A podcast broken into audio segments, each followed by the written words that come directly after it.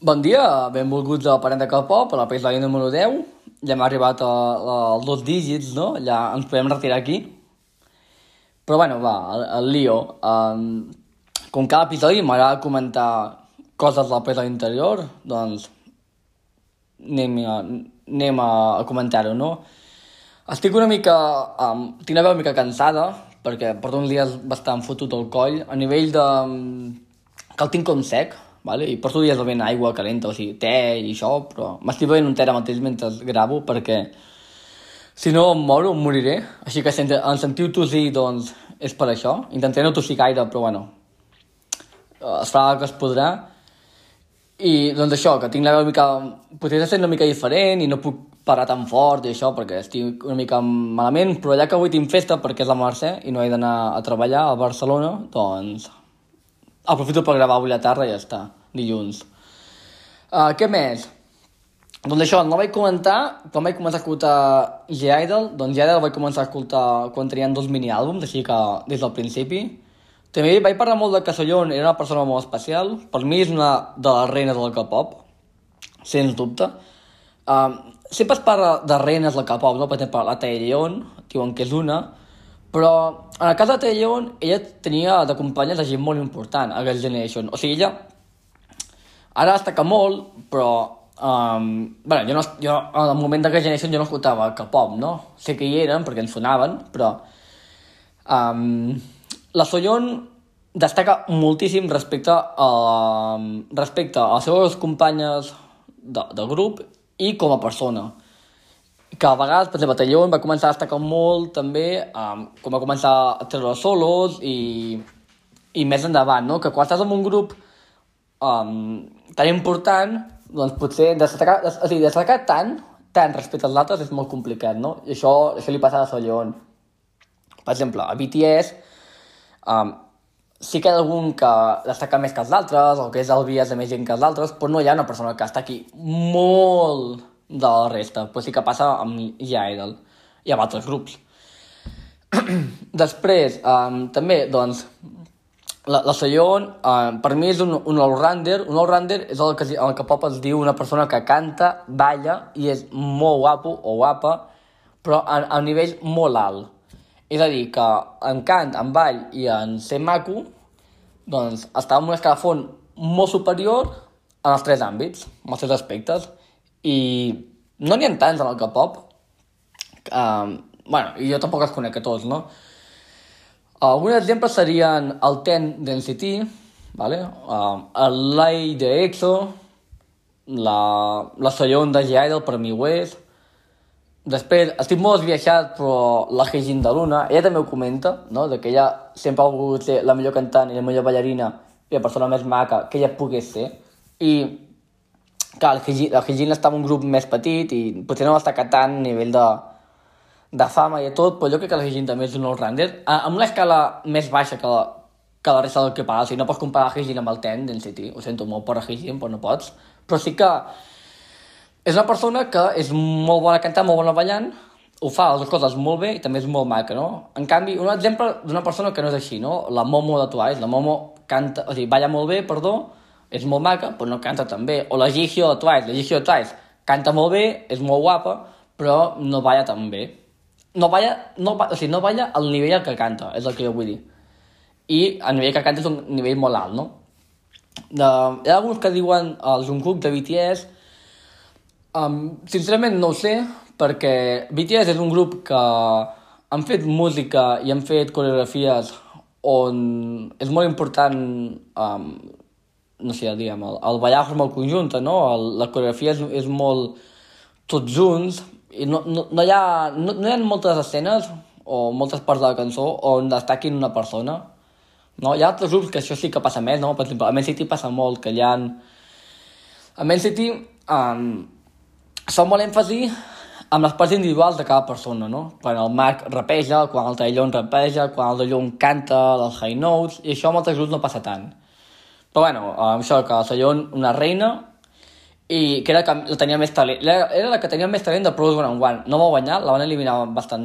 Bueno, la van eliminar tard, però va quedar com la 25, 27 o per allà. de, de sent una noies, però per mi era la que més talent tenia, i se li veia en el programa. I també, noies amb talent, la, la Xunga, la Somi, ja que estem parlant de Plus One One, la Xunga, que després va ser solista, i la que també, no? Eren les que més talent tenien, ¿vale? I, per exemple, la Xunga no... O sigui, la Xunga i la Somi sí que van, van guanyar el programa, la Somi va quedar primera, però mm, de les que han guanyat no totes eren increïbles, a nivell de ball, a nivell de cant i de tot. O sigui que a vegades no sempre no sempre el que, que té més talent triomfa, no? amb aquests programes de popularitat. um, què més? Um, també, setmana passada comentava dels fotocars, doncs me n'he comprat una, perquè al mòbil porto una de, de Llon, no, perdó, de, de Llon, de, de Llon, és que de Llon és una de, de IOI, de Pros One One, no, la de Llon de Kepler tinc una, però em va tocar a mi i els volia tenir una que no m'hagués tocat, per portar-la, no? M'he comprat una del Gowon, del fan club 2.0, un dia parem del fan club, no? que són els clubs de fans oficials de, de, que treu el grup, no? En el K-pop, un dia parlem d'ells, doncs m'he comprat la, la això, m'ha d'arribar perquè la persona que, el noi que li vaig comprar, doncs, diu que enviarà uh, aquesta setmana, així que ja m'arribarà. I, i amb, i amb el photocard també em ve una, una postcard, que és igual que la photocard, però un gran, més o menys, així que l'emmarcaré i ja està. També una cosa que em fa molta gràcia dels photocards, i no vull comentar-ho, és que um, quan compres una, um, doncs, per correu, sempre, o quasi sempre la persona posa una noteta, no? Una, una noteta que, que va fer molta gràcia perquè uh, posa um, dona-li una nova llar uh, bueno, dona-li no, dona no, sinó diu gràcies per donar-li una nova llar uh, al Jungkook, no? O coses així, rotllo, com si estiguessis adoptant a, a un gos o a una persona, no? O sigui, compres una fotocard que és un tot de cartró i la gent et posa gràcies per donar-li una nova llar al Gobon, uh, cuida-la molt, i penses... Eh, penses, tio, és un tros de cartró, no? Que sent que la gent no fa mala fe, no? I crec que és molt romàntic, a mi m'agrada molt i em fa molta gràcia, però ho comento perquè em fa gràcia, no? Perquè és com...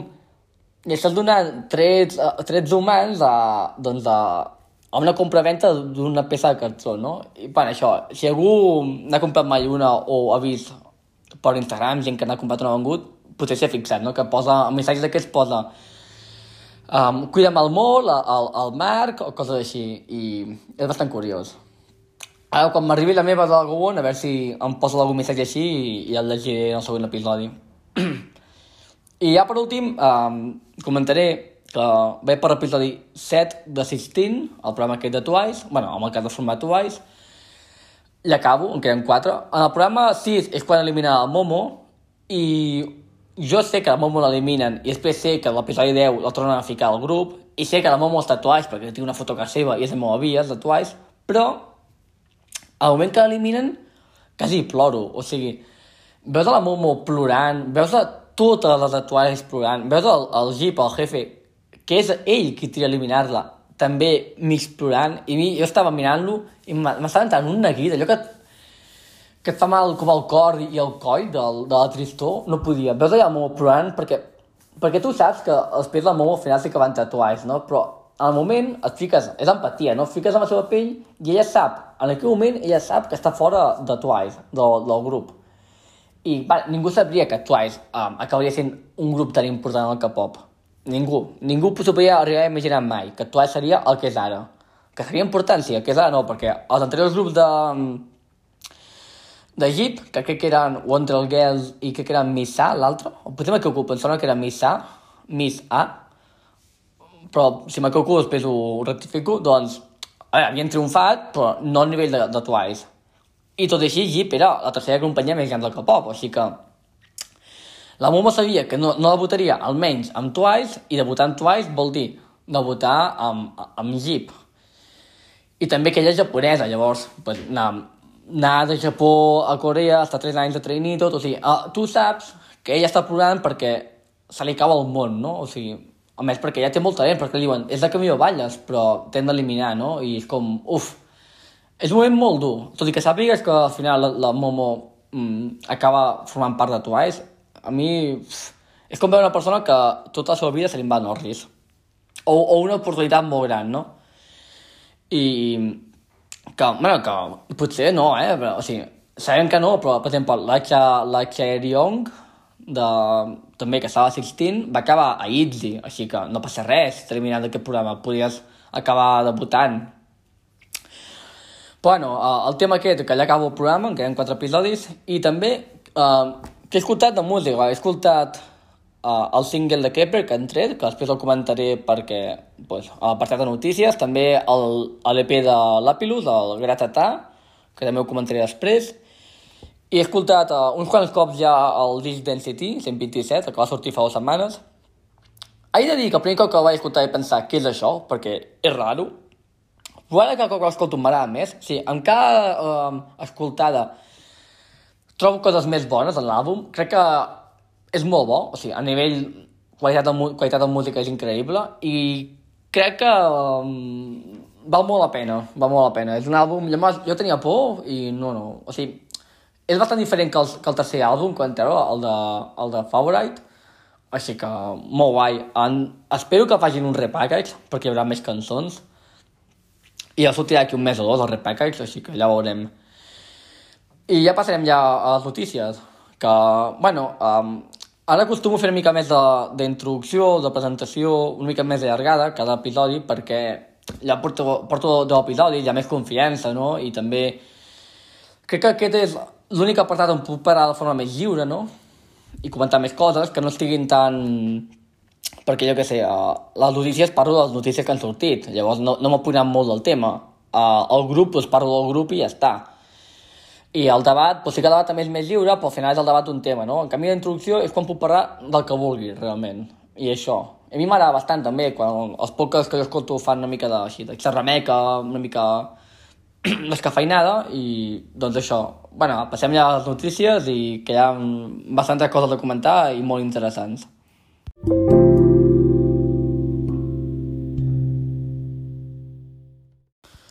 Val, les notícies. Què ha sortit de música? Molt ràpid. Kepler, Sugar Rush, el single que he dit que jo he escoltat.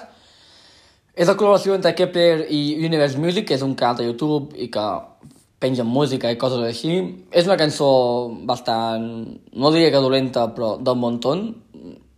Està bé perquè canta Kepler i Kepler té un estil de cantar especial, no? Fa, no, fa, o sigui, la forma que tenen de cantar i li posen com molta alegria a tot però no és una gran cançó. A mi Kepler m'encanta, però bueno, la cançó és bastant, bastant me. Després, Lapilus, Gratata, que és el seu primer EP. En aquest EP hi ha quatre cançons i la quarta és la que van treure en, en solitari farà un temps, que és la que vaig comentar que no recordava com sonava, que devia ser dolenta. Al contrari, doncs és molt bona, que es diu Hit Ja. La vaig tornar a escoltar i pensar, mare meva, quin temazo, és increïble. I la resta de cançons, les noves, bé, no són increïbles, o sigui, l'Apilus és un grup que jo no recomanaria escoltar. O sigui, si em dius, uh, vull escoltar un grup de K-pop, recomana'm un, no et recomanaria mai l'Apilus, um, però bueno, o sigui, no, és un grup que del muntó. Està bé, però tampoc és la gran cosa. A veure què tal la, la seva música. I després, Itzy. Itzy ha tret Bla Bla Bla, que és un single en japonès, i poca a més, ha sortit poca música aquesta setmana, bastant trist tot. bueno, la setmana passada va ser molt interessant, així que una setmana més fluixeta. I aniré prenent aigua, bueno, té, entre, entre que parlo, perquè si no m'ofegaré. Així que si ja se sent una mica de, doncs, de, de silenci, doncs és que estic bevent.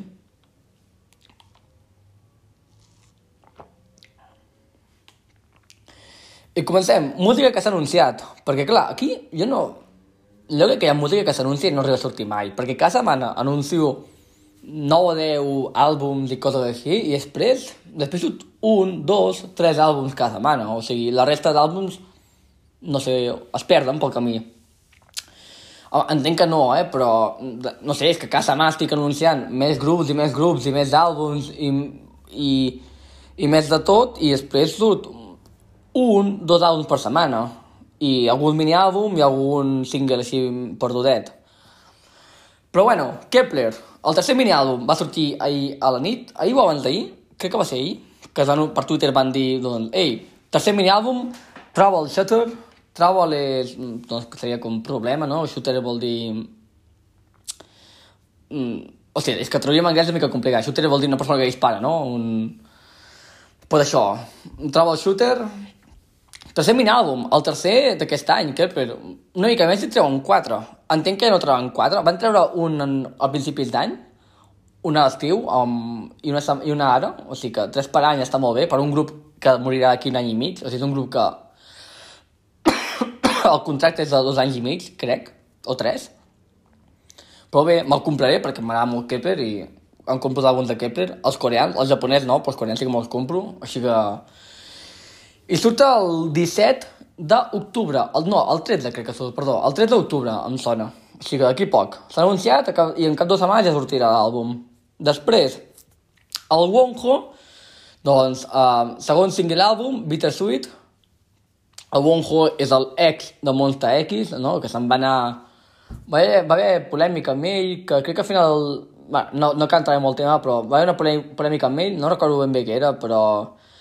Després va sortir com innocent, però va seguir marxar del grup per no doncs, tacar la imatge del grup però continua dins de l'empresa, que crec que és Starship Entertainment, doncs um, ja treu el segon single àlbum, és bastant famós el Wonho, a més està molt fort, fa com molt gimnàs. I ara està tornant a de Kepler, no?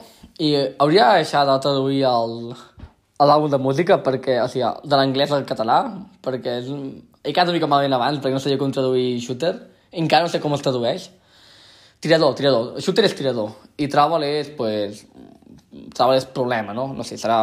No sé, mm, tirador problemàtic o una cosa així. Però bé, traduir és una mica estúpid, no? És millor deixar-ho en anglès i ja està.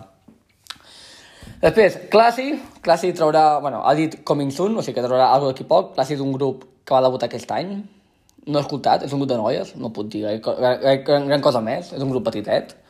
Onewe traurà una cançó, un single, que es dirà Still Here, el Baiko traurà un mini-àlbum, bueno, el primer mini-àlbum, que es diu Absolute Zero. El Baiko és l'ex de Nuest i va ser un dels guanyadors de Pros One and One temporada 2, la Noise. Dic que va ser un dels guanyadors perquè no va acabar guanyant. És a dir, quan parlem de One and One ja parlem de, de, del programa, però um, ell va quedar, crec que va quedar el setè o el vuitè, i l'empresa Amnet, que és el que feia el programa, va decidir que no guanyés. I van fer un tongo amb les votacions i tot i va quedar, com el, va quedar el 13 o així. A mi m'agrada molt el Baiko. O sigui, era, era dels meus preferits a, a Pros One and One. I, bueno, va marxar de, de Nuest. Nuest continua, tinc entès, però ell va seguir no renovar el contracte com a Nuest. I ara, pues, està com a solista. I... I trobo un mini-àlbum. No me l'escoltaré, perquè no puc escoltar tota la vida. Però, bueno, no sé, això. Després, al juny de Seventeen treu un, un single que es dirà Limbo. Mm, Marà Seventeen no escoltaré el single, ho sento molt. Després, la Kwon, Kwon Eunbi traurà el tercer mini-àlbum, uh, Lethality. La Kwon Eunbi és una de les guanyadores de Produce 48, no? Va, va estar a Izone i després que Izone va morir, doncs... Uh, pues ja té tres mini-àlbums. Això és curiós perquè parlant de Xavier la setmana passada, i ara la Quantum B treu el tercer mini-àlbum. El Cheyenne encara no té ni el primer. Així que... Pues mira, hi ha una que ja té tres i una que ara troba el primer. Que es dirà Hush Rush, o Hush Rush, en, en anglès, dient-ho bé, no? Doncs això, la Cheyenne ja, ja ha sortit el seu... Ha sortit ja, doncs, el, el nom del, del mini-àlbum i... I això. Després, la Dreamcatcher van, van anunciar pues, que d'aquí poc sortiria alguna cosa, o sigui, és que et posen um, Dreamcatcher, Coming Soon, no? És igual que Clàssic. Clàssic posaven Clàssic, Coming Soon, entens que és un mini-àlbum o un àlbum, però no, no, encara no et diuen què és, t'ho diran d'aquí uns dies. Així que d'aquí la setmana que ve en teoria ja sabrem què és. Jo crec que serà un mini-àlbum. I, um, per últim, així de, de música anunciada, vam parlar la setmana passada de Triple S, no? que era aquest grup del Jeden Young, de 24 noies, cada moment crec que són 8 o 9 noies, vaig buscar l'altre dia, i que tenien dues oportunitats, que tenien noms molt raros, que es deia, una es deia Acid Angel Pharmacy, l'altra es deia Crystallize, doncs això al final no és el nom de la superioritat, sinó que és el nom de la cançó. Bastant bé, perquè com a nom de superioritat era una mica bastant horrorós, i com a nom de cançó també és bastant horrorós, però almenys fa més gràcia que com la superioritat, no? Així que no és el, no és el nom de la superioritat, sinó que és el nom de, de la cançó. Però no se sap res més d'això. Després, un moment, beuré una mica de, de te.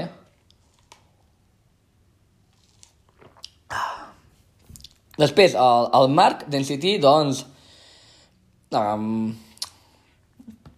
canta amb una cançó del minàlbum de, del Xiumin d'EXO. Ja hem parlat que el Xiumin d'EXO debutaria com a solista amb el seu minàlbum Brand New, doncs de la cançó que es diu How We Do, canta el Marc. Crec que ha sortit avui el, el miniàlbum, perquè he vist per YouTube que havia sortit el videoclip, així que entenc que avui ha sortit.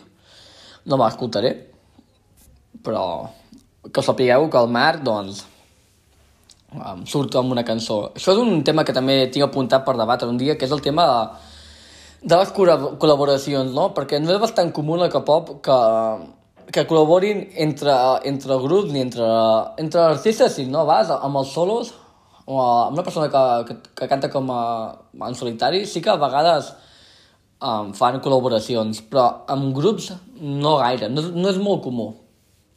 Per això és debat d'un altre dia. Després, um, notícia interessant, curiosa, Everland, que és com el...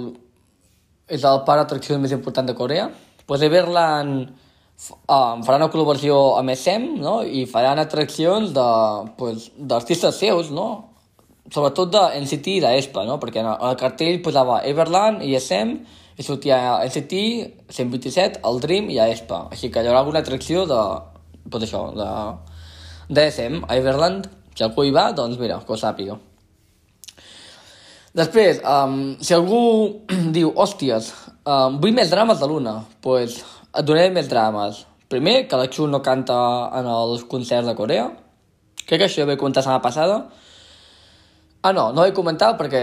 Perdó, perquè cal veure la notícia. Doncs no, vaig comentar que s'havia anunciat el concert i que no sabíem si l'Axu cantaria o no. Doncs pues no, l'Axu no, no participarà en el concert de Corea. Ja està molt clar, està molt clar entre el fandom de l'una que l'Axu està més fora que dins del grup. I, I més que fora que dins del grup, està més fora que dins del grup quan són coses de, de no treure música. És a dir, tot el que sigui àlbums i mini-àlbums, de moment l'Axu encara forma part del grup però tot el que sigui concerts i anar a programes i col·laboracions i coses així, no participa a l'Axu. Ara falta veure la següent, el següent mini àlbum o el següent àlbum de, àlbum de música a l'una, si estarà l'Axu o no. Llavors, si està l'Axu en el següent àlbum, es confirmarà que l'Axu només formarà part de l'una a nivell de música, que a nivell de promoció i de... o sigui, a nivell de promoció fora de, de la música, que no sigui anar a programes musicals i que sigui rotllo per fer concerts i, i fer fan meetings i això, està clar que la Xu no anirà. Però bueno, fi, i si en el següent mini-àlbum o àlbum la Xu no hi és, pues, clar que la Xu està fora de l'una.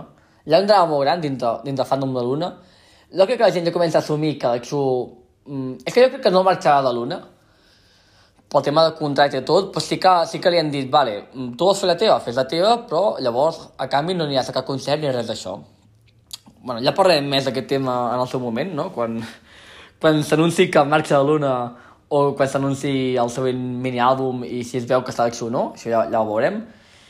Però també ho estic comentant perquè um, s'ha anunciat Superstar Luna. Superstar, potser algú coneix, que són uns jocs de mòbil d'aquests de, de col·leccionar cartes i són jocs musicals. És el típic joc d'aquest de, que és una cançó i van baixant notes i tu has de clicar a la pantalla la nota doncs és, és, és, hi ha un joc d'aquests de K-pop, hi ha un per, per Jeep, hi ha un per SM, hi ha un per, per YG, o sigui, hi ha un per cada gran companyia i després hi ha, hi ha de grups, hi ha de Penation, hi ha de Oh My Girl,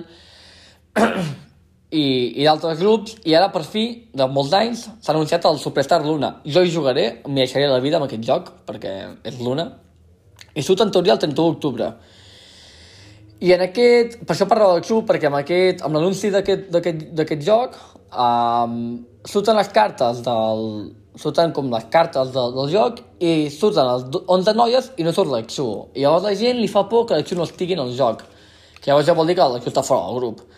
Però la gent, sempre hi ha hackers en els grups, o sigui, en el fandom dels grups, i alguns han entrat com a la base de dades del joc i tot, perquè hi ha com una beta, no?, que és la, la prèvia que surt el joc final, no?, perquè tu pots provar, i que encara hi ha errors i tot, i es veu que l'Exu està dins del joc a nivell de... en el codi, en el codi del joc està l'Exu, llavors... Um, el dia que surti, sortirem dubtes. I ja per últim, per parlar d'Acxu, perquè això sembla un programa d'Acxu, um, doncs potser algú ho ha vist per Twitter o per, per foros o per això, però l'Acxu um, s'ha viralitzat molt a Brasil. I ja tu, com que a Brasil? Doncs sí, la gent s'ha dedicat, uh, la gent fan de l'una s'ha dedicat a les universitats de Brasil a, a penjar la foto de l'Acxu. L'Acxu té una foto bastant icònica, bastant meme, que és la del Plus Plus, no? La foto del Plus Plus de l'Acxu és bastant meme, per, per, com va, o sigui, per com va vestida i pel cabell i per la cara que fa. I llavors la gent s'ha dedicat a anar als únics de Brasil, de tot, de tot el país, penjant la foto pues, a, a, a les parets i dient coses rotllo, has vist aquesta noia? Doncs ah, sí que l'has vist, o penjant la foto amb un, amb un codi QR, que el codi QR portava doncs, l'última cançó de, de Luna, o com que hi havia eleccions de Brasil o són d'aquí poc, no sé si han sigut o seran d'aquí poc les eleccions de Brasil, doncs dient coses rotllo Bolsonaro, uh, té por de que li guanyi aquesta idol i coses així, no? I llavors s'ha fet bastant, bastant viral a, a Brasil, però no, no entre els fans de K-pop, que sinó també, sinó a nivell de, del país, és com... s'ha fet notícia, no? El, el tema aquest d'acció, i, i la veritat, si algú s'avorreix, que busqui per internet, no? Xu, Brasil i coses així, perquè eh, és molt interessant, no? O sigui, al final, l'una L'una és un grup que sempre passen coses guais, bones o dolentes, i... I... I podia parlar de moltes notícies més de, de l'una, coses així que han passat, però bueno, no sé, que... Que és surrealista. El grup, o sigui, l'una és un grup surrealista, el que li passa i... I on està ficat. Però bueno, ja anem a continuar amb les notícies, que queden poques. Um, voleu dades? Doncs Born Pink, de Blackpink, es converteix en l'àlbum més vengut de la història de noies, superant 2 milions, o sigui, superant els 2 milions de ventes, no? Ha vengut en una setmana 2 milions 141.281 còpies. 2 milions 141.000. Quan va sortir el disc d'Espa, jo vaig comentar que Espa, el disc d'Espa era el grup més vengut de història de noies, que el d'àlbum de, de Blackpink era U300 i el d'Espa va ser U600. I jo vaig comentar, no sé si Blackpink superarà el d'Espa perquè és un grup que porta 4 anys sense fer res bueno, 4 anys no, portava dos anys sense fer res. Doncs... I a mesura que anava passant setmanes, pensava, buah, doncs sí, sí que ho superarà. Doncs mira, una setmana, 2.100.000. A més, és el primer grup de noies de la història que supera els 2 milions de ventes. O sigui, és una fita històrica. De, o sigui, 2 milions de ventes, o sigui, Blackpink ha vengut més que Seventeen. És, és una bogeria ara mateix. I més per un grup de noies, és una bogeria. Bueno, següent notícia. Um, aquí ja entrem amb drames, i drames de veritat. Uh, Victon, que és un grup, doncs continua, um, continuarà promocionant com a 5 membres perquè el Hyo-chan, que és un, un de Victon, doncs um, el va pillar la policia um, conduint begut, no? O sigui, va pillar el cotxe borratxo i llavors el va pillar la policia i llavors l'han fet fora del grup. A veure, Victor és un grup petitonet, però que a mi em sona bastant, o sigui, el tinc vist una mica. Així que, bueno, doncs pues, mira, pues, un burro, no? Va decidir conduir borratxo, doncs fora del grup.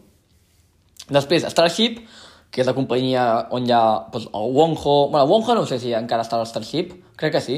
Bueno, hi ha el Monster X, hi ha uh, WJSN, que també es diuen Cosmic Girls, és el que està IBE, pues, Starship ha anunciat que emprendrà accions legals contra pues, la gent que critica els seus artistes. bueno, això que estic dient és una mica exagerat, és a dir, hi ha gent que es dedica a difamar contra els grups de Starship, no? Bueno, i, i a cada grup hi ha gent que difama contra ells. Però difamar no és dir, no m'agrada aquesta persona, no m'agrada la música o aquest àlbum. No, difamar és dir, pues, coses falses, acusacions i coses així. Llavors ha anunciat que a nivell legal doncs, que prendrà accions contra aquesta gent. Mm, està bé, no? I per últim, um, hi ha un participant de Pros One and One de temporada 2, la de Nois, que es diu... bueno, es deia Jeong Jongji, doncs s'ha suïcidat. Um, jo no, no sé qui era, perquè, bueno, al final són 100 nois, o 101 nois de Pros One and One, i aquests el van eliminar com pel la posició 78 o 79, o sigui que el van eliminar bastant ràpid però es veu que s'ha suïcidat pel que he llegit perquè, va, bueno, al final no va arribar a debutar mai en cap grup, ni, ni com a solista, no? I havia debutat com a solista i el, pues, l'empresa, la discogràfica li, li donava llargues i es van inventar, doncs, crec que, que havia votat una noia o de coses així, com a campanya de màrqueting, bueno, no sé, coses, o per fer-lo fora de l'empresa, coses que bastant xungues, no? O sigui, li van fer bastant, bastantes putades a aquest noi i al final s'ha decidit suïcidar-se. I això, bueno, ens hem enterat tots de que ha decidit suïcidar-se perquè la mare ha penjat un tuit, no?, dient que era la mare d'aquest noi i que, pues, que s'havia suïcidat per, per alguns motius, no?, personals. bueno, això. Um, ha quedat una mica trist, no?, aquest final de, de notícies, però, bueno, m'agradaria comentar-ho perquè no tot és maco en, en el K-pop, no? I i això. I bueno, ara passem a parlar sobre el grup de la setmana, que és Big Bang.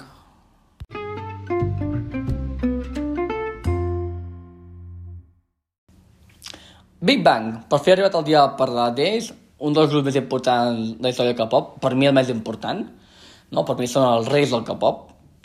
De mateixa forma que Girls' Generation són les reines, reines del K-pop, doncs Big Bang són els reis. I no hi ha un grup tan important com Big Bang, jo crec que... Bueno, no hi ha hagut mai un grup tan important com ells, ni hi haurà. La, algú dirà BTS, mentira. O sigui, BTS ha fet moltes coses pel K-pop, no? L'ha obert el K-pop al públic internacional i... Sí, són el grup que més ha vengut i, i de tot, però no tots són les ventes. La importància que té Big Bang en el K-pop i el que ha fet Big Bang i el que ha fet G-Dragon, G-Dragon, no ho ha fet ningú mai, i, I això, ja vaig comentar que el seu Seungri va ser la primera persona que jo vaig escoltar de K-pop. Primer que jo vaig escoltar K-pop a la vida, en sèrio, perquè havia escoltat una mica de Girls' Generation així com de fons algun dia al YouTube o a tele o això, però el primer que jo vaig escoltar va ser Seungri, els dos àlbums que tenia en aquell moment, que bueno, de fet parlem del Seungri i de Big Bang, del, del que ha passat amb ells, però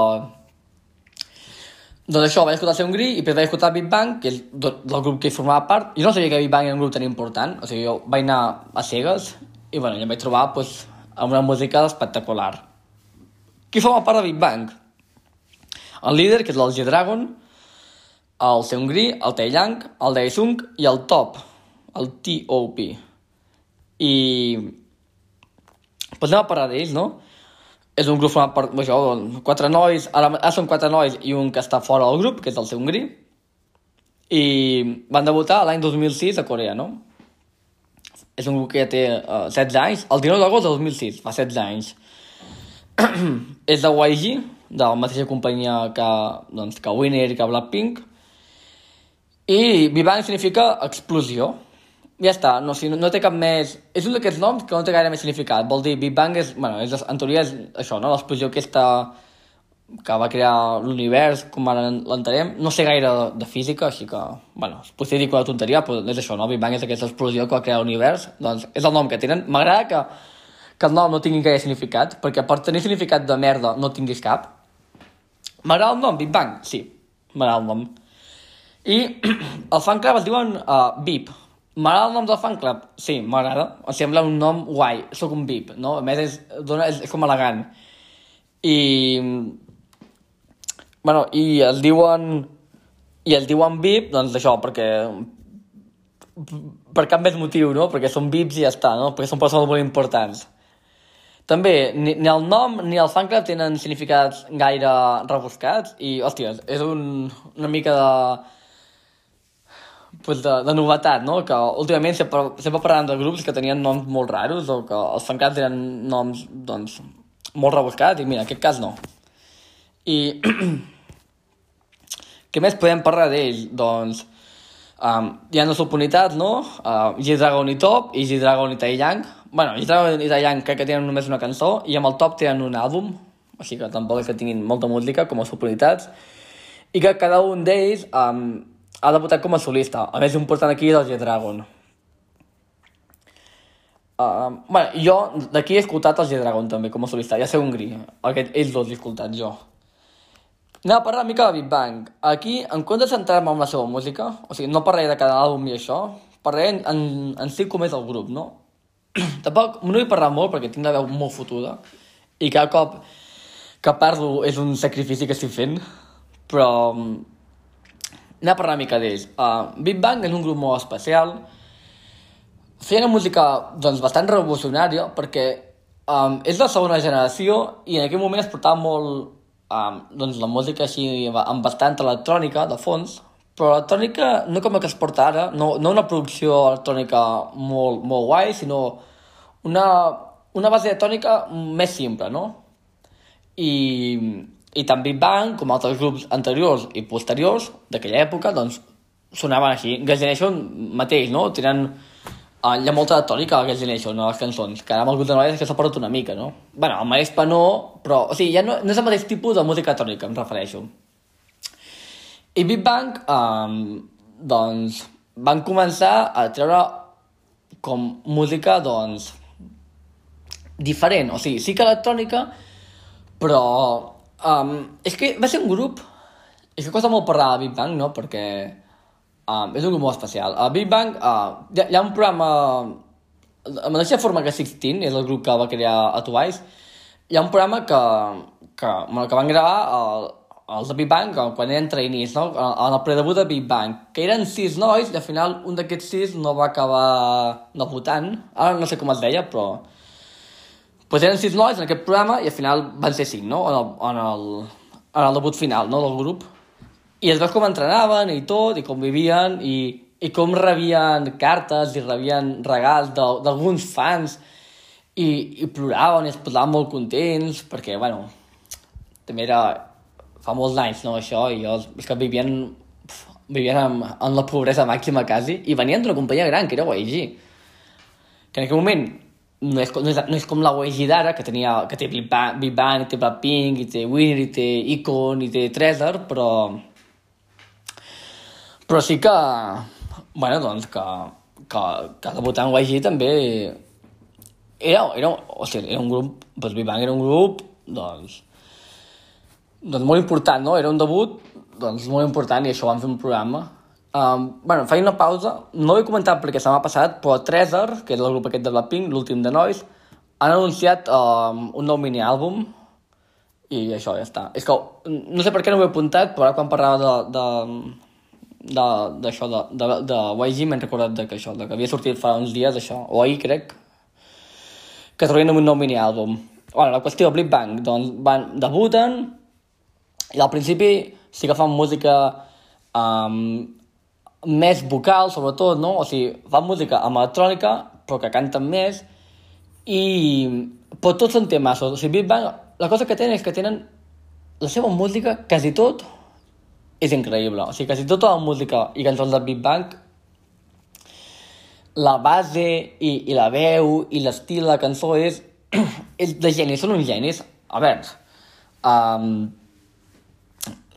lògicament, um, al final forma part de YG i l'estil de música...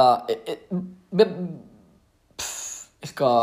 no sé com dir-ho. Um, Blackpink té un estil de música molt de Blackpink i de la mateixa forma Big Bang tenia un estil de música molt de Big Bang i és l'estil de música que destaca en YG amb aquells grups tan importants, no? O sigui, Blackpink és el que és um, Big Bang però amb noies, no? Diguem, l'estil de música que fan i, i que sempre fa el mateix estil de música i, i Big Bang era això, Big Bang, cada cançó de Big Bang era però no, no només la cançó principal, sinó cada cançó de cada àlbum de Big Bang és, és un temazo, no? I, i agafen molta fama i també el, el G-Dragon comença ell a produir, a produir i a escriure cançons i el G-Dragon, que parlem d'ell, és una persona molt, molt talent, molt, possiblement la persona més talent del K-pop, o una de les persones... Bueno, és que sempre que dius la persona més talent, una de les persones més talents, no?, del K-pop, i...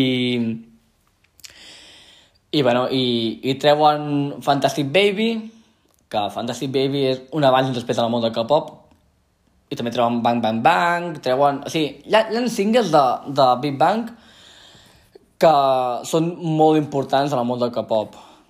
Crec que era fantàstic, és que per això, potser m'equivoco, però crec que era Fantastic Baby, el single, que va estar com top, va estar top en la llista de, de Corea durant molt temps. I és que aquí, aquí, aquí potser parlo equivocant-me, eh? però em sona haver llegit que amb tu, en els programes d'aquests musicals, hi ha un màxim de setmanes que pots guanyar el, el, el premi de la setmana, no? És a dir, si Blackpink um, promociona amb el, la nova cançó que en té, la Shutdown, si la promocionen durant 5 setmanes, crec que només pots guanyar premis 3 setmanes. I això crec que ho van fer perquè crec que era un, fa, un, Fantastic, un Fantastic Baby que Big Bang no paraven de guanyar premis, no paraven de guanyar, i no paraven de guanyar. O sigui, era una cançó que guanyava, però que passaven el, els mesos i, i encara guanyaven. O sigui, a nivell de, de ventes, a nivell de popularitat, Fantastic Baby és com, és com Growl. Growl, ho comentava amb en el seu programa, que uh, Growl se la sabia tothom als col·legis. Doncs Fantastic Baby era la cançó de Corea en aquell moment. I va estar durant... És que ja, això, estic parlant de coses que vaig llegir i que sé de fa anys, eh? que potser m'equivoco, però potser va estar un any o així uh, al top de les llistes de Corea, el Fantastic Baby de Big Bang, així que...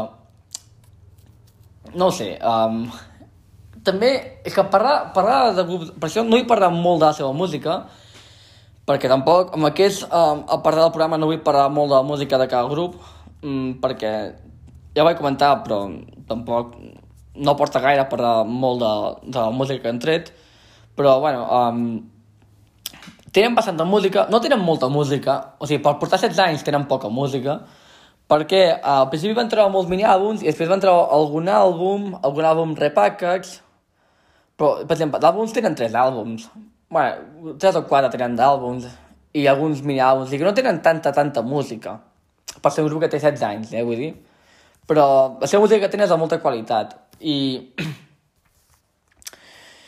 i també um, l'últim àlbum que va treure és el de Mate, vale? l'any que va ser l'any 2015, van treure Mate, que Mate té com...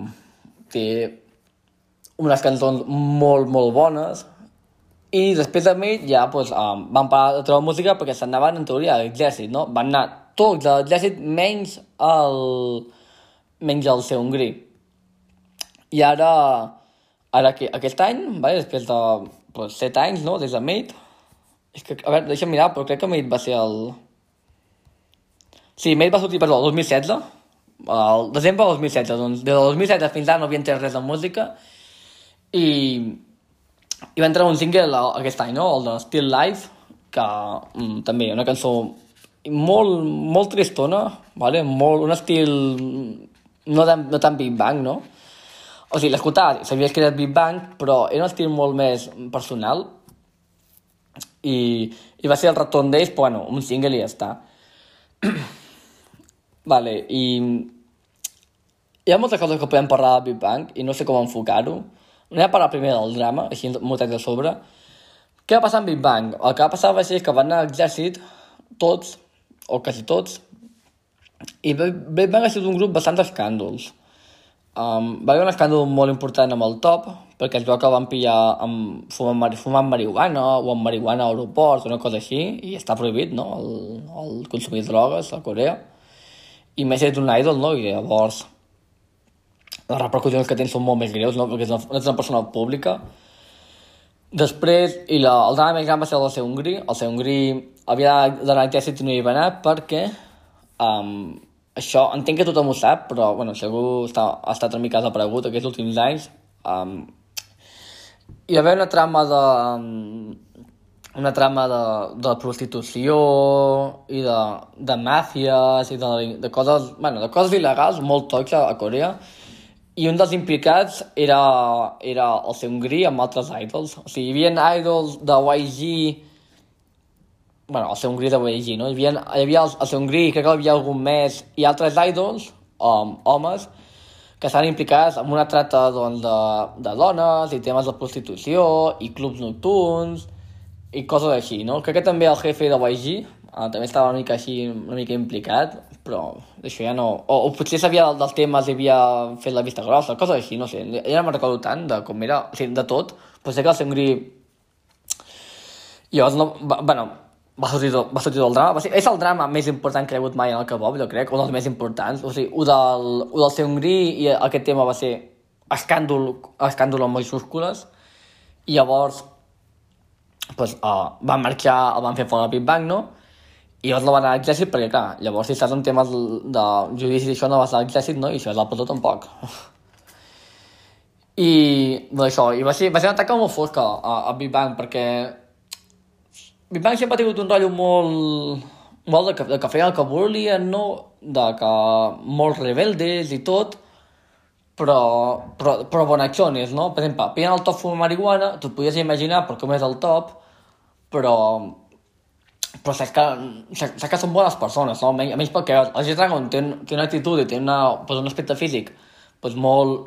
que, que, impacta, que intimida, però pues, la veu bona gent, aquesta gent. Jo, el seu Gri, que era com dels més bonachones, no? Amb el, amb el Daesung, no? El seu Gri tenia cara, pues, el veies i, i era, pues, pues pensar, aquest noi no pot fer res dolent, pues, després va sortir aquí un, un drama de prostitució i coses així que flipes. I va ser, va ser un cop molt dur pels fans de Big Bang i a mi m'agrada molt Big Bang i vaig pensar, vaig pensar què està passant, no? A més, això va coincidir tot amb el tema de l'exèrcit i ja Big Bang va, va morir. Està mortíssim Big Bang. Jo fa anys que pensava, bueno, quan tornin de l'exèrcit té pinta que està molt mort. El Top l'altre ja va fer... Bueno, fa, fa uns mesos va fer com una entrevista per una revista de moda de... Què era? De Xina. I va dir que que ell ja no, està, que ell ja no forma part com del grup, o sigui, sí que forma part del grup, però que de moment estan com separats, no? Estan cadascun fent el que volen i que projectes personals i tot, que, que Viva encara existeix, però que no, que no és com abans, no? Ja que, que si un cop treuen una cançó o treuen alguna cosa que potser passa, però que no, que no té pinta que torni a ser com abans, el grup. I, bueno, van treure una cançó, no?, Still Life, i, i això m'estic posant trist, no?, perquè, o sigui, és que, per això dic, Big Bang és un grup Uh, jo què sé, puc parlar d'Exo, puc parlar d'Exo de, de que canta molt bé, que tenen cançons molt bones, de que ballen molt bé i que m'agrada molt l'Exo, però Big Bang, que és que va ser el primer que vaig escoltar, perquè és un grup... Mm, és un grup especial, no?, per mi, i, i llavors, doncs, no sé, no sé com, com comentar aquest grup, no?, aquest episodi, i què, què dir, què no dir, perquè, és que, clar, si es parlo de les cançons de, per exemple, Big Bang no, té, no ballen gaire, o sigui, és un grup que no és de ballar, sí que, tenen, sí que ballen, però no és un grup que està aquí per les seves coreografies, em refereixo. Sí, per passos de ball. És a dir, um, de la mateixa forma que Twice té passos de ball molt icònics, com el del Tití o el de Les Orlles, doncs um, Big Bang té el Bang Bang Bang, té un pas molt icònic, no? Així, fas amb, amb les mans, fas veure com que dispares i coses així. O sigui, tenen passos molt icònics, però um, no ballen gaire. Uh, és un grup que jo, la musicament jo recomano escoltar-ho, no, puc explicar com és la música Big Bang perquè és un grup, no sé, molt guai i ho has d'escoltar, però tenen molt talent, tenen gent amb molt talent, el top és dels millors raperos, i això sí, el top sí que és un rapero de veritat, no? Perquè ja, ja el K-pop passa molt que el K-pop uh, diuen, ah, aquest és rapero, i el sents rapejar i semblo jo. No, el top és un rapero, és aquest rapero que parla tan ràpid que no se l'entén, és increïble. El Taeyang va, va molt bé, i el G-Dragon. El G-Dragon això és un, això és un all-rounder, no? que parlàvem al principi de l'episodi. El G-Dragon canta bé, balla bé, és, és molt guapo, és, és increïble. Um, com a solistes, uh, el G-Dragon també, jo m'he escoltat tota la seva música. Té, té un àlbum que es diu... bueno, no sé com es diu aquell àlbum, però que la portada és en vermell i que per mi és pues, el millor àlbum que hi ha de solistes. O sigui, aquell àlbum és perfecte, del principi i final, que més surt la Jenny cantant. No? El, el G-Dragon té dues col·laboracions amb la Jenny, de Blackpink, i una amb, amb la Rose, quan encara no havien debutat amb Blackpink, no? o sigui, quan encara eren jovenetes. O sigui, crec que va ser el 2013, 2014, que canta la Jenny amb el, amb el, amb el G-Dragon, i, i canten en directe també. Que pots mirar el, el vídeo de YouTube, no?, el programa musical on estaven els Dragon i la Jenny cantant, i la Jenny allà que devia tenir 14 anys, i és bastant curiós. És bastant curiós perquè després saps que ell i la Jenny han sigut nòvios, o són nòvios, i llavors dius, um, pertorbador, no? Hi ha gent que diu que l'edat no té... O sigui, que l'amor no té edat, però que t'hagi cantat una cançó quan tu tenies, no sé, 21 anys i ella 14, allà sigut nòvios, no sé si és moralment um, respectable, però bueno, no... No canta molt... No, no parlem d'aquests temes aquí, no? O sigui, tampoc, perquè si no, pues... Oh, no avançaríem, no? Bueno, jo, jo, jo m'he queixat molts cops, eh, de que mai s'ha confirmat si són nòvios o no, entenc que la, la gent diu que són nòvios, però cada que surt la notícia de que ho han deixat, sigui que no se sap, però bueno, que, que és raro, no?, que, que quan ell, tu ja tenia 14 tu tenies 21 o 22, um, que entés per tu i ja sigueu nòvios, no? Quan li treus bastant 8 o 9 anys i, i hi ha tota aquesta posició de superioritat, no? Que això... És que hi ha molts debats de cap que podem parlar un dia, no? De, també de... Um, de com hi ha, hi ha molta gent que, que, clar, que la gent que debuta, doncs, estan en una posició inferior que els que ja han debutat, no? I llavors um, hi ha abusos de poder i coses així, no? Sobretot, sobretot cap a les noies. I, i també, quan parlant d'això, de Big Bang, després del, del drama del seu Hongrí i del tema l'exèrcit, el grup va morir, també un dia parlarem, vale? Podria ser avui el dia, però he decidit en parlar d'altra cosa perquè és que hi havia dos temes eh, que podíem parlar avui, de, de debat, que era el tema del què passa amb el grup de nois quan van a l'exèrcit, no? que la majoria moren, i també l'altre tema, que és el que parlem al final, és sobre el carisma, no? Perquè Big Bang és un grup que tenia, que tenia molt carisma, que això ja s'ha perdut molt en el K-pop, i és el, serà el debat final d'aquí un rato. bueno, doncs el que parlat, no? Que és un grup amb molt talent, eh, els cinc nois, sobretot el G-Dragon, i, i el, parlant de G-Dragon, en aquest cas, ho va inventar tot. O sigui, la majoria de coses del K-pop ho va inventar ell. Um, les fotocards no, per exemple, però el fet de tenir-se el cabell de colors estrafalaris ho va inventar ell, no ho feia ningú abans de que ho fes ell. G-Dragon, tu pots mirar, cada, tu mires cada presentació, o sigui, cada, cada videoclip o cada programa musical i va amb un cabell diferent, cabells molt estrafalaris. Um, també van inventar el de Big Bang el anar ben vestits a l'aeroport, algú dirà, què m'estàs dient? Um, ara és bastant més famós, bueno, més famós, més comú, que, que els idols se'ls fotografi mentre viatgen no, a l'aeroport. Van, van, van a gira fora de Corea o van amb avió o que sigui, i la gent li fa fotos a, a l'aeroport. Doncs qui va posar de moda anar ben vestit, anar, anar doncs, um, de forma guai als aeroports, va ser Big Bang. Abans els grups anaven com anaven i ja està. I ara i sota Big Bang anaven com estrelles, anaven com superestrelles per l'aeroport, no? I, I van ser ells qui va posar de moda això. I també els lightsticks, no? La setmana passada, passada parlàvem que aquell pet tenia un lightstick, no? Pues aquests pals de llum, que porta cada grup el seu pal de llum, doncs ho va inventar el, G-Dragon. El G-Dragon va dir, ei, fem això. I lightstick del, del, del Big Bang és molt maco, és molt guai, perquè és com una mena de... de és una corona, no?, daurada i és que és molt guai. Pues ho, ho van inventar ells, és que um, Big Bang i Dragon han inventat la meitat de coses del K-pop. I per mi són els primers gran, gran grup que són superestrelles. Que de veritat són... són eren, eren, eren els reis quan anaven als Mama, aquest, aquest bueno, programes de... Bueno, programa no, aquest esdeveniment de, de, que donen premis, no? a finals d'any, uh, a les Mama, quan ells cantaven les cançons i, i feien el que volien, és a dir, val la pena ficar-se Big Bang Mama perquè veus que canten i van pels escenaris, van a on estan altres idols de K-pop i es posen a ballar amb ells, um, no canten o canten, o sigui, no canten, vull dir, no, ara les actuacions són molt, molt estructurades, és a dir, has de fer això, has de fer això, no pots fer errors, no pots sortir de la línia... En els Mama, per exemple, sí que els grups fan actuacions una mica més elaborades, però tot molt dins d'una línia, no? Per exemple, la gent diu que els Mama de BTS són els millors, perquè BTS els Mama, doncs, feien actuacions molt guapes, no? Però les coreografies, amb tot l'escenari, tot era molt guapo, però Big Bang anava als Mama i um, el públic es queia, o sigui, l'escenari es queia perquè eren els reis de la festa. Ells sortien allà cantaven, saltaven, mm, ballaven, no ballaven, el top decidia deixar de ballar i anava caminant només i, estar, i cantar mentre caminava i, el, i, i era la festa més gran del K-pop.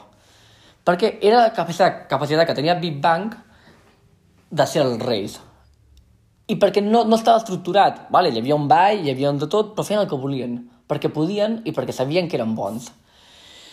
I això s'ha perdut molt, no? Ara els grups, mm, pues, cada cop és més, tot més, tot igual, tot igual, tot ha, ha sortit perfecte i no, pots, no hi ha aquesta capacitat de d'anar més enllà, no? I en sèrio, si algú s'avorreix, que busqui Big Bang Mama i que miri el públic i miri l'actuació. Eh, eh, una bogeria. I, i rapejant, i, i hi ha un mama que comença rapejant contra els mames d'aquests um, d'aquests premis, no? I, i, i el, el G-Dragon um, pues, els diu de tot, el programa, o sigui, bueno, el, però en directe, eh? o sigui, allà ningú sabia res i el tio comença a rapejar i comença a, a dir tot contra els premis. Així que... Era un grup amb molta personalitat, i poques a més, hem parlat, he parlat molt d'ells. Uh, ha quedat una mica raro aquest, aquest, uh, aquesta part del programa, no? parlant de Big Bang, perquè altres grups parlo menys, altres grups parlo més. Aquí tenia clar que seria un programa bueno, un apartat curiós, no? ja que no sabia ben bé de, què parlar d'ells, perquè és un grup tan important i que m'agrada tant que... Bueno, és que és, un, és el grup més important de la història del K-pop, llavors no sabia com enfocar-ho. Jo crec que ha quedat bé, no?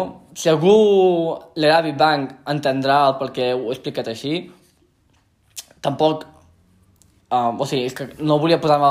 No, és un grup que ha vengut molt d'àlbums, però no ha vengut tant com BTS, ni, ni EXO, ni això. Perquè a era una altra època. I...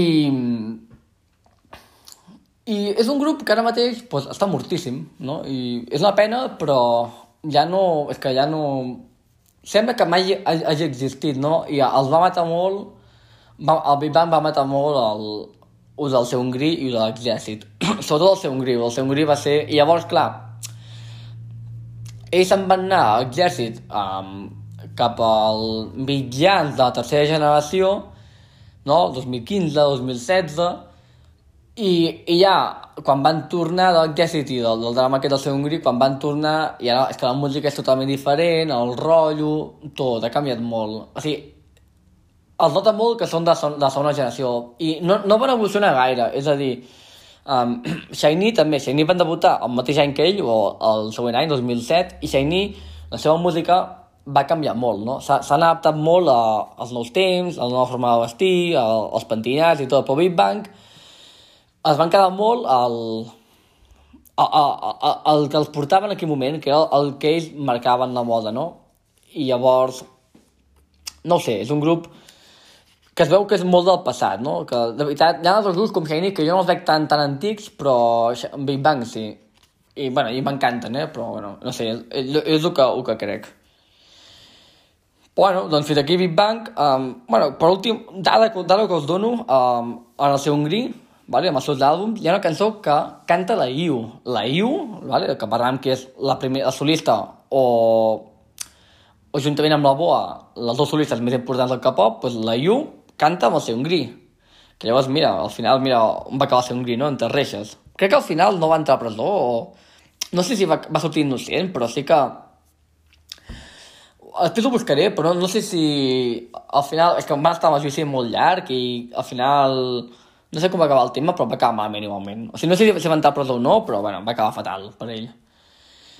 I anem a per allà l'últim tema i acabarem el, el podcast.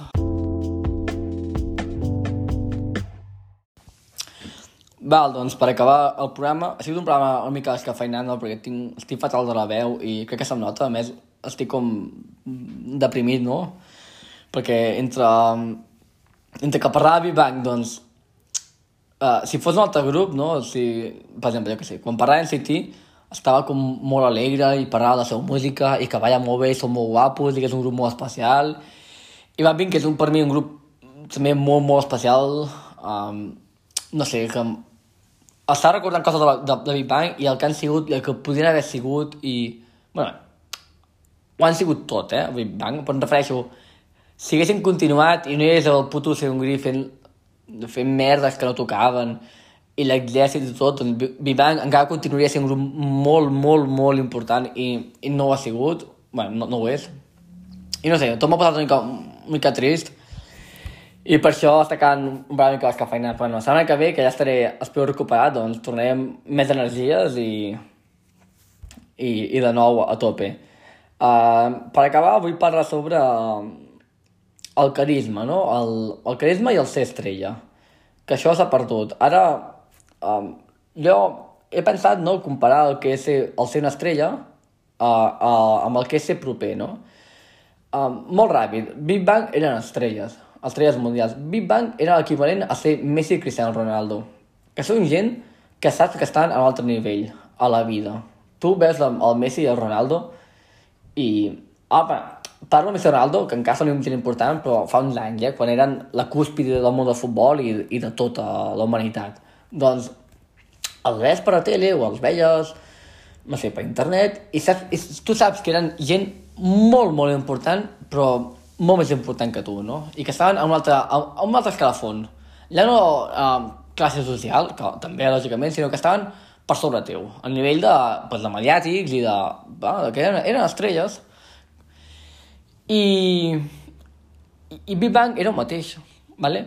Uh, l'època de Big Bang, uh, Shiny no ho era tant, no? Per exemple, era, també eren estrelles, lògicament, però uh, Big Bang, uh, Wonder Girls, Star, tenien un rotllo molt de d'estrelles, de la forma de vestir, l'actitud, no? De, pues, no sé, típic típic grup de, de rock que són, que són superestrelles, no? Doncs aquest tenia aquest rotllo, el, el K-pop, el Sona Generació.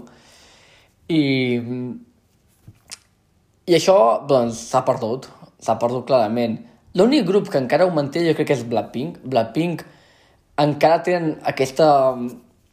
aquest aire, aquesta aire de superioritat, no? Respecte a tant la resta de grups com a, com a la resta de gent, no? Són... Tu veus Blackpink i es veu que són gent molt important, no? I que són, són estrelles. I, en canvi, um, uh, uh, bueno, aespa no és un bon exemple, però no sé, Twice, Twice són gent que tu les veus i semblen més properes, no? Semblen gent més, pues més normals, no? Tu veus Twice i, vaja, que canta molt bé i vaja molt bé, són molt maques, però és un grup més normal, però no, no, hi ha aquest aura de, de, de superestrella que sí que té Blackpink. O, o per comparar, per exemple, um, uh, no sé, uh, TXT, no?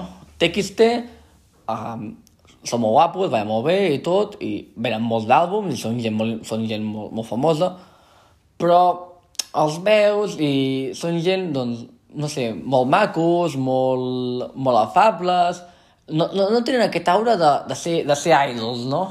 no? O sigui, ara l'idol que es porta ara molt és l'idol així, doncs, molt amigable, um, que vesteix vesteix com podies vestir tu si tinguessis estil, no? En plan, si en comptes d'anar amb un xandall i una samarreta bàsica, anessis um, amb una jaqueteta, un pantaló curt i una camisa maca, no? Com van els, els del K-pop, doncs tu podies anar... O sigui, tu, tu vas al de TXT o el de, no sé, el de Seventeen i tu podies anar igual de vestits que ells. Vale? Però que no sabem vestir de uh, aquí. Aquí ni, ni teníem els diners no, per vestir així i que has de tenir un estilista i tot, però bueno, que vull dir que és possible que vagis igual que ell vestit i, i tot, però en canvi veies Big Bang i, i sabies que no, que sabies que estan a un altre nivell, no? Com vestien, els cabells, no? També el, es va perdre molt el portar pentinats diferents, no? Ara el K-pop, el K-pop és molt, es porta molt sempre aquest estil de pentinat um, que és curtet, a l'altura de les orelles, no? Sempre es porta aquest pentinat i, i variacions d'aquest, però sempre hi ha algú que rapa, però bueno, no hi ha gaire gent amb el cabell llarg, ni amb el moicano, ni... A... És que el Tai Yang es va fer rastes, tio. Rastes eren? O trenes? No, no, es va fer rastes, es va tenir el cabell de color blanc i negre amb rastes, o sigui... El que ha fet, el que ha fet um, Big Bang no ho ha fet ningú, no? I bueno, parlo molt de Big Bang perquè és el grup que parlàvem aquesta setmana i és el clar exemple de gent que eren estrelles, no? Que eren gent que eren, no eren, o sigui, no eren propers als fans. Tu tu, els fans de, de Big Bang, els VIP, sabien que estaven veient a, a, a gent, pues no sé, a, a gent, bueno, els més importants del, del K-pop. I, i que, bueno, pues, no hi havia tampoc la capacitat de saber ni tant d'ells, ni tant contingut, ni a parlar amb ells, i això. Ara, al món del K-pop, pues, amb el YouTube també hi ha, hi ha molts grups que fan contingut, no?, Sí, fan vídeos, ja no només fan música, sinó que també fan vídeos de, pues, a, a on viuen, fent jocs, fent activitats, a l'aire lliure, um, fan altres programes, no?, també, que ja no és només música, um, no sé, um, també fan B-Lives, no?, que són streamings, i llavors, pues, parlen amb els fans, o sigui, s'ha escurçat molt la, la distància entre l'idol i el fan. No? Les alumnes, per exemple, tenen un, una cosa que es diu FAB. FAB és una aplicació de, de missatgeria, no? Pots parlar, pots, tu pots parlar amb els alumnes directament, no? Per, per Messenger, bueno, per, diguem, com si fos el Messenger, tu pots parlar directament amb els d'alumne i ells et contesten els missatges, però no contesten en plan en passat, sinó que, jo què sé, la Hyunjin parla la Hyunjin i la Jinsol, que són les que més parlen per FAB, parlen, doncs, que dinen, si estan conteses, si, si estan tristes, on han anat de vacances, si estan amb la família... O sigui, són molt propers amb els fans. Això què, què, què té de bo? Un, que llavors ja no veus els idols com gent molt estranya a tu, sinó com, com gent igual que tu, no? Jo veig les de l'una que tenen la meva edat i, i sé que són igual que jo, però que en comptes de treballar, doncs, no sé, a, de professora d'un col·legi doncs, han decidit ser idols, però que no és... Um, no són gent molt apartada de la meva vida. No? Això passa molt a la futbol. Al futbol passa molt que els futbolistes, els importants, no? els dels clubs grans, que cobren tants milions, eh, tu els veus i saps que tenen una vida que tu no tindràs mai a la vida, que no podia ser tu mai, no? que van allà amb, amb els cotxes, la, la, la roba de marca, uh, l'estil de vida que porten tu mai el tindràs, però en canvi, amb la majoria d'idols, que els grups importants sí que guanyen molts diners, però a la majoria d'idols tu tenen una vida pues, normal i corrent, no? Vale, amb, pues, amb, amb més, més o menys fama, però que no... Són gent com tu, no? I això abans no passava tant. Um, de nou, amb Wonder Girls, amb Star, amb Big Bang, amb Girl Generation també, um, tenien una vida ho he dit molts cops, però d'estrella, de superestrella, i, i ara tot això s'ha perdut, no? S'ha perdut perquè tot s'ha fet molt més proper, no? També, clar, ser més proper al fan també mm, comporta que el fan se senti més atret al grup i llavors complir més àlbum, més merchandatge, més de tot, no? Que abans, com que això no existia, o no amb aquest nivell, pues el fan era fan del grup i era fan muerte del grup, però no, no tenia aquesta capacitat no, de, doncs, de parlar amb ells o de, de saber tant no, de, de, dels seus idols. I per això crec que Big Bang era un, un grup tan important perquè és que eren, eren un superestrelles. Tu els veies al Mama, ho he dit abans, però tu els veies als Mama i, i eren déus, eren déus. En canvi, tu veus a la TXT als Mama i balla molt bé, canta molt bé i tot, però són cinc xavalets ballant, no? no hi ha... L'aire, l'aire que... L'aire sobre l'escenari és molt diferent, no? Que sí que hi ha grups eh, que encara mantenen això, Blackpink encara ho manté, el, el... per això he estat tan content d'anar al concert de Blackpink, perquè sé que el concert de Blackpink serà un concert a estil de Big Bang, no, no a nivell de, de qualitat, sinó al nivell de que um, veuré, veuré gent molt important cantar, no? que per exemple l'Una, o sigui, no vaig a la concert de l'Una perquè no van venir aquí, però si hagués vingut l'Una a, a Barcelona o a Madrid i hagués anat, sé que veuria uh, amb gent que tinc molta confiança, no? Elles també no em coneixen, però jo conec molt d'elles. I seria un concert com més proper. Però en canvi, um, a Blackpink, si ve, si ve, bueno, el concert de Blackpink que jo aniré, és com si jo vaig a veure, doncs, la, no sé, a... Uh, uh, no sé, a la Taylor Swift, no? Que la Taylor a mi m'agrada molt, però Taylor és una superestrella increïble i sé que serà una bogeria i que seré jo i ella, no? Serà, serà una relació entre artista i fan, no entre um, dues persones. No sé si... Espero que hagi quedat una mica la idea d'aquest debat, no? Que era més... Hi ha hagut un canvi de paradigma, no? En, en com són les relacions entre, entre els fans i els idols. Això també quan, quan jo parlo de generacions, a vegades gent no entén que és una generació o, o els canvis o on hi ha el gran canvi, no? O sigui, es noten, els canvis no és d'un dia per l'altre, sinó és un canvi gradual, però amb detalls com aquest es nota molt, no? Amb la roba, amb els pentinats, i la, bueno, sí, la música, però també amb la relació amb els fans. Jo crec que és un, un dels grans canvis del K-pop, a bé, eh? O sigui, s'ha perdut el, el, el ser una estrella, però eh, s'ha guanyat el amb el, amb el fan, que tot té coses bones i dolentes, no? I, no sé, fins aquí el podcast... Mm, demano perdó perquè he sigut un poc, allò dit, una mica... Estic fotut de la veu i una mica raro, no? I la part de, la part de Big Bang jo crec que ha quedat no dic que hagi acabat malament, però no sabia com enfocar-la, no? Era un, és que era un grup complicat. Però bueno, doncs ens veiem la setmana que ve i vagi bé.